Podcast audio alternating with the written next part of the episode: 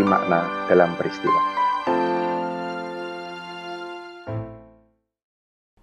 Di bawah kolong langit ini tidak ada yang sepenuhnya takdir atau sepenuhnya kehendak bebas manusia. Situasi yang disebut takdir itu sesungguhnya membentuk dan sekaligus terbentuk dari apa yang diklaim manusia sebagai kehendak bebas. Saudara-saudara, kata-kata ini tidak akan pernah saya lupakan. Karena apa yang ada di belakangnya membentuk cara pikir saya hingga saat ini. Dalam episode ini, saya ingin membuka kembali catatan saya. Perjumpaan saya dengan seorang yang bernama Bernardino Heri Priyono SY atau Romo Heri. Demikian saya dan banyak orang memanggil beliau. Almarhum Romo Hiri adalah orang yang mengucapkan kata-kata itu sebagai sebuah buah refleksi panjang atas permenungan filosofisnya terhadap berbagai hal yang membentuk atau meremuk hidup bersama, shared life. Takdir hanyalah separuh cerita. Demikian juga dengan kehendak bebas manusia. Maka, kalau penjelas gejala hidup diletakkan hanya pada takdir atau hanya pada kehendak bebas, cara pikir ini bukan hanya bias, tapi sesat. Hidup manusia hanya bisa dipahami dari rangkaian pilihan-pilihan bebas akan tindakan, tapi juga sekaligus akan bekerjanya faktor-faktor yang dipercaya sebagai takdir itu. Itu yang saya pelajari. Mungkin tanpa Romo Heri, yang banyak dikenal orang sebagai seorang Yesuit, imam Katolik, sekaligus ilmuwan, penulis, pemikir, aktivis, akademisi, dan banyak peran lainnya, baik di Indonesia maupun di luar negeri. Saya tidak akan pernah menjalani apa yang selama ini saya tapai. Almarhum Romo Heri adalah orang yang mendorong saya memperluas cakrawala pemikiran dan terutama keterlibatan, yang membantu saya memahami berbagai tegangan dalam pilihan-pilihan hidup kalau saya tidak salah ingat, saya pertama kali bertemu dengan Romo Heri saat saya masih studi di ITB, tahun 90-an saat itu. Dalam sebuah liburan, saat itu saya ke Jogja dan ikut berkumpul dengan sejumlah teman-teman aktivis dari UGM, dari Atma Jaya, Sanata Dharma, dan kampus-kampus lainnya. Seorang Romo, atau barangkali masih frater saat itu, saya lupa, bicara tentang pentingnya gerakan mahasiswa dia bicara tentang keterlibatan. Dan saya terkesan dengannya. Lalu mulailah sejak itu makin intens bertemu. Pada tahun 94, 98, saat Romo Heri bolak-balik London, Jakarta untuk mewawancarai puluhan orang mencari data untuk tesis doktoralnya. Yang kok ia berlangsung dalam ketegangan politik di Jakarta, saya banyak bertemu dan berdiskusi dengan dia. Singkat kata, Presiden Soeharto jatuh tahun 1998. Saya berangkat ke Inggris untuk studi S2 dengan beasiswa dari Chevening tahun 2000 sampai 2001 di University of Manchester Institute of Science and Technology, UMIST. Saya bertemu lagi dengan Romo Heri yang saat itu sedang menulis tesis doktoralnya di LSE, London School of Economics and Political Science di London. Dia bahkan mendatangi saya ke Manchester, ketemu beberapa teman. Lalu tentu saja saya juga berkunjung mendatangi dia ke komunitasnya di dekat Seven Sisters Tube Station di London sana. Membawa rokok kesukaannya atau sebotol dua botol wine, dia bercerita bahwa dia akan nguli menjadi tukang angkut-angkut barang itu di supermarket, saya lupa, Sainsbury atau Tesco. Dia akan bekerja menjadi kuli itu barang 5 sampai 6 jam agar punya uang untuk membeli ikan sibas. Sibas itu sejenis bandeng gitu. Sebelum saya datang. Jadi saya akan datang membawa wine, Romo Heri bekerja 5-6 jam jadi kuli untuk bisa membeli ikan sibas itu. Lalu ketika saya datang, Romo akan memasak, mengukus ikan itu. Diberi daun bawang, jahe, bawang putih, minyak wijen dikukus itu. Bisa beli 3-4 ekor dan kami hanya makan itu ikan sibas kukus dan minum wine, gayeng-gayengan ngobrol, makan malam, bicara diskusi sampai pagi. Itu yang dulu saya lakukan 22 tahun yang lalu dengan Romo Heri. Juli 2001, di tengah-tengah penulisan tesisnya, dan saya juga sedang menulis disertasi S2 saya, Romo Heri mengajak saya ikut Marxism 2001, sebuah kursus ekonomi politik Marxisme di London yang diprakarsai oleh Partai Buruh. Ini sebuah kursus sekaligus festival paling menarik yang pernah saya ikuti dalam hidup saya. Romo Heri juga yang mengenalkan saya langsung pada Anthony Giddens yang lalu mengizinkan saya mengikuti kelasnya dalam mini seri kuliah singkat tentang teori strukturasi.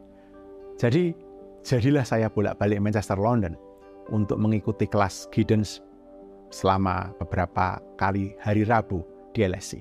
Dan dapat kesempatan juga minum bir bersama Romo Heri dan Anthony Giddens di sebuah kafe di dekat Holborn Tube Station di sana. Kami lalu sama-sama pulang ke Indonesia tahun 2001. Romo Heri dengan PhD-nya, saya dengan MSc saya, kami langsung tancap gas melakukan maraton training politik lewat Uni Sosial Demokrat, Uni Sosdem. Yang saya gagas dulu saya dirikan bersama almarhum Bapak Bambang Warih Kusumo dan Bapak Sujati Jiwandono. Kalau tidak salah, kami melakukannya 6 sampai 8 kali dalam setahun. Selama 2 tahun, kami genjot training-training itu dengan Romo Heri sebagai penjaga gawang isinya. Alumni-alumni training politik Uni Sosdem kini sudah tersebar entah di mana. Sampai akhirnya saya kembali ke Manchester lagi untuk studi S3. Postdoktoral hingga tinggal di sana sampai tahun 2012. Romo Heri adalah pembimbing saya secara informal yang membantu saya mengkerangkakan pikiran-pikiran saya dalam keketatan filsafat. Karena saya menjelajah cakrawala studi inovasi dengan konteks masyarakat sipil dan teknologi informasi dalam upaya mendorong demokratisasi. Bersama seorang intelektual Indonesia juga bernama Gindo Tampu Bolon, Bang Gindo saya memanggilnya, yang membuka mata tentang metodologi, Romo Heri membantu saya melewati masa-masa berat studi S3 yang akhirnya bisa saya selesaikan dalam waktu kurang dari tiga tahun. Saat itu sebuah rekor baru di school saya di Business School, University of Manchester saat itu. Romo Heri mendorong saya untuk tetap tinggal di Inggris saat saya merasa keahlian saya tidak dibutuhkan di tanah air saat itu. Tapi dia minta agar saya tetap peka dan berjaga-jaga jika saatnya tiba, saya harus pulang ke tanah air. Jadilah saya tinggal di Manchester, menjadi dosen, peneliti, bahkan membantu pemerintah Inggris dan Uni Eropa. Saya mengembangkan berbagai keahlian baru yang dengan sangat antusias selalu ingin diketahui Romo Hiri. Sampai saatnya tiba. Tahun 2012, saya diminta pulang ke Indonesia menjadi asisten ahli kepala UKP 4, Unit Kerja Presiden Bidang Pengawasan dan Pengendalian Pembangunan Pak Kuntoro Mangkusubroto, Pak Kun saya memanggilnya. Orang pertama yang saya hubungi adalah Romo Heri, yang meneguhkan pilihan untuk pulang. Meski pilihan itu saya buat sendiri. Demikian juga saat saya diminta menjadi deputi dua kepala staf kepresidenan di KSP, kantor staf presiden di bawah Pak Luhut Panjaitan, pada bulan Januari 2015, membantu Presiden Jokowi. Bahkan Romo Heri memberikan tumpangan pada saya di Kolese Canisius di kamar 235 kalau saya tidak salah ingat. 235 itu gedung 2, lantai 3, kamar nomor 5. Sampai saya bisa menyewa tempat tinggal sebagai seorang deputi KSP saat itu. Kamar itu 235 adalah kamar yang selalu saya tempati dari tahun 2000 sampai tahun 2012 setiap kali saya ke Indonesia atas upaya Romo Heri memintakan izin kepada Romo Rektor Canisius. Keterlibatan saya di pemerintahan, UKP 4, di KSP, sering saya bicarakan dan saya komunikasikan dengan Romo Hiri. Dia sangat jernih sebagai cermin berbagai keputusan dan pendekatan yang saya ambil selama di UKP 4 dan KSP. Termasuk akhirnya keputusan saya mengundurkan diri dari kantor staf presiden dan memilih membantu Presiden Jokowi dari luar sistem di periode kedua ini. Diskusi saya yang mendalam terakhir dengan Romo Heri tentang buku Jokowi Man of Contradiction, tulisan Ben Bland, akhirnya terbit di jurnal Contemporary Southeast Asia pada bulan Desember tahun 2020. Yang waktu saya tunjukkan ke Romo Heri, dia bilang, splendid. Saudara-saudara, lewat Romo Heri, saya mendalami filsafat, khususnya filsafat sosial dan berbagai gagasan ekonomi politik. Dia mengenalkan saya tidak hanya pada Anthony Giddens, tapi juga pada berbagai gagasan pokok filsafat ilmu. Romo Herilah yang membawa saya menyeberangi dunia teknik rekayasa. Saya ini seorang insinyur. Menuju dunia sosiologi, bahkan politik dan kebijakan. Terutama kebijakan publik.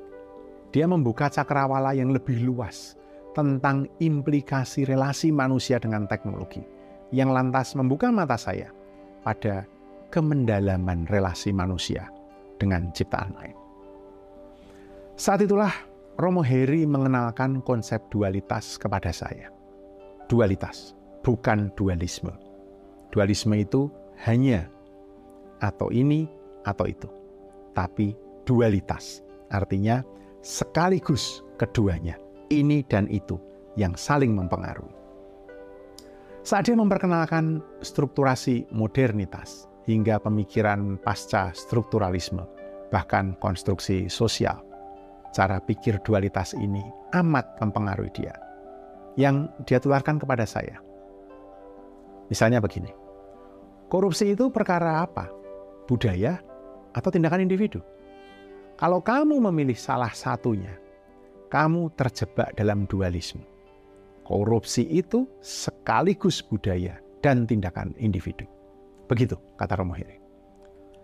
Tindakan individu memperkuat budaya korupsi. Sementara budaya korupsi mempengaruhi pilihan tindakan individu untuk korup. Sebuah double hermeneutik atau hermeneutika ganda. Itu penjelasannya Romo Hiri. Romo Hiri menunjukkan bahwa dualitas adalah salah satu gagasan kunci untuk memahami hidup. Dan dia tunjukkan itu bukan hanya untuk memahami korupsi. Korupsi itu adalah salah satu fokus penelitian utamanya. Tapi juga memahami banyak hal lain. Misalnya adalah memahami kaitan antara ide, gagasan, dan realitas, kenyataan. Antara struktur dan pelaku. Antara gagasan dan tindakan.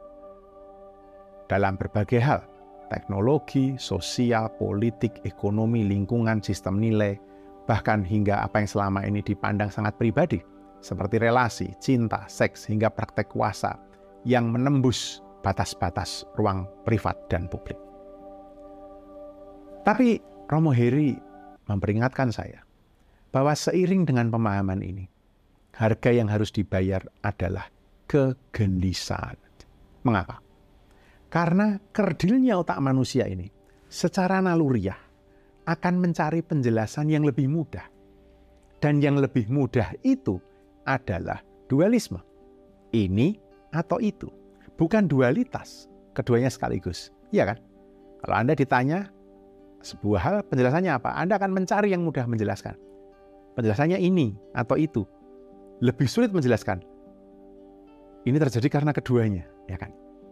Apalagi memahami bahwa keduanya saling terkait. Bagaimana cara mudah menjelaskan bahwa sesuatu sekaligus ada benarnya dan ada salahnya? Bagaimana cara mudah menjelaskan bahwa sesuatu terjadi bukan hanya karena takdir, tapi juga pilihan manusia? Bagaimana cara mudah menjelaskan fenomena globalisasi atau neoliberalisme atau fundamentalisme agama? Dan banyak hal yang lain. Maka dia mengenalkan gagasan tegangan, tension dalam dualitas. Menjelaskan keduanya saling mempengaruhi saja tidak cukup. Menjelaskan bahwa takdir dan kehendak bebas manusia saling mempengaruhi itu nggak cukup. Mesti lebih dalam bagaimana A mempengaruhi B, bagaimana B mempengaruhi A dalam kondisi ruang waktu konteks seperti apa. Hidup manusia adalah tegangan abadi antara gagasan yang ideal dan kenyataan yang real dan situasional. Manusia sejati adalah yang menghidupi tegangan itu, bukan memilih salah satu dari keduanya. Ideal dan real. Manusia sejati menghidupi dua-duanya, bukan memilih salah satunya. Coba Anda terapkan ini. Untuk memahami apa pun yang selama ini dengan gampang kita labeli dengan benar salah. atau baik buruk, atau bahkan suci dan dosa. Saudara-saudara, lalu Romo Heri bilang begini kepada saya, nanti Januar, saat kamu makin memahami dualitas dan tegangan dalam dualitas ini, kamu akan makin gelisah. But be not afraid. Romo Heri itu selalu menggunakan bahasa Inggris kalau ada hal yang penting yang dia mau tekankan. That restlessness, kegelisahan, is what will make you not only more knowledgeable, but much wiser.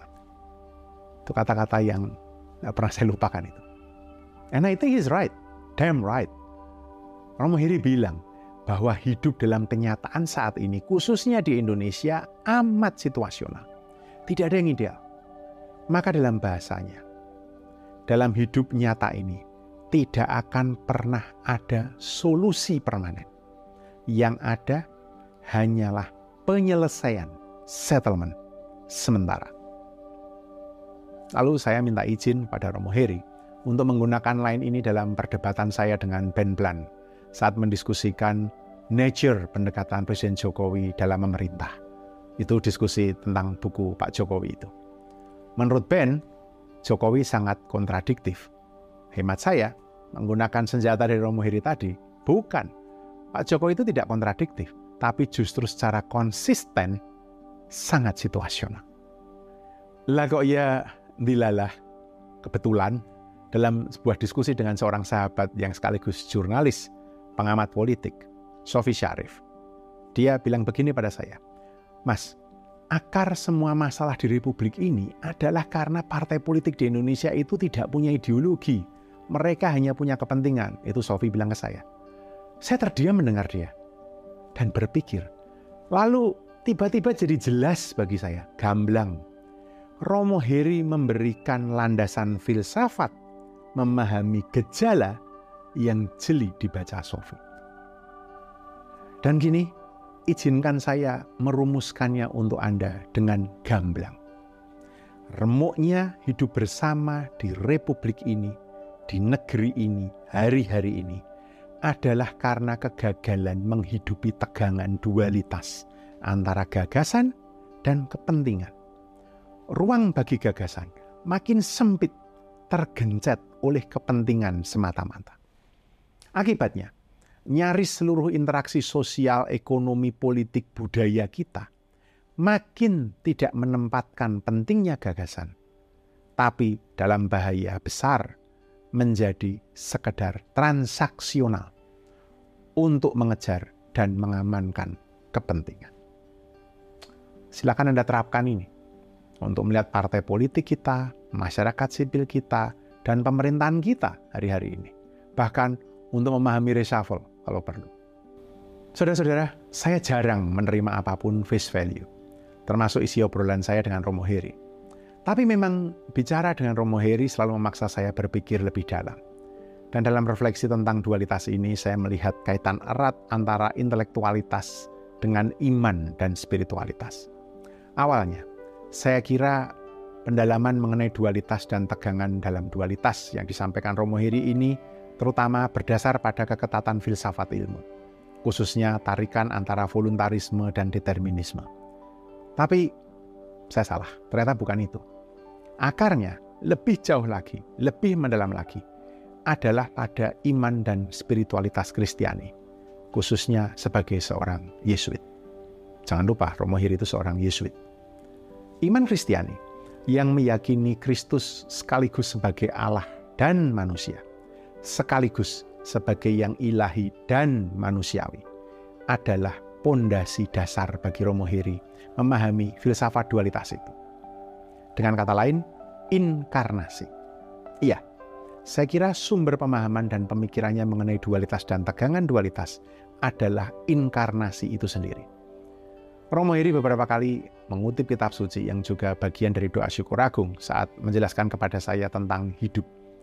yakni bahwa hidup itu seperti si tukang kayu yang sedang disalib di tiang pancang itu.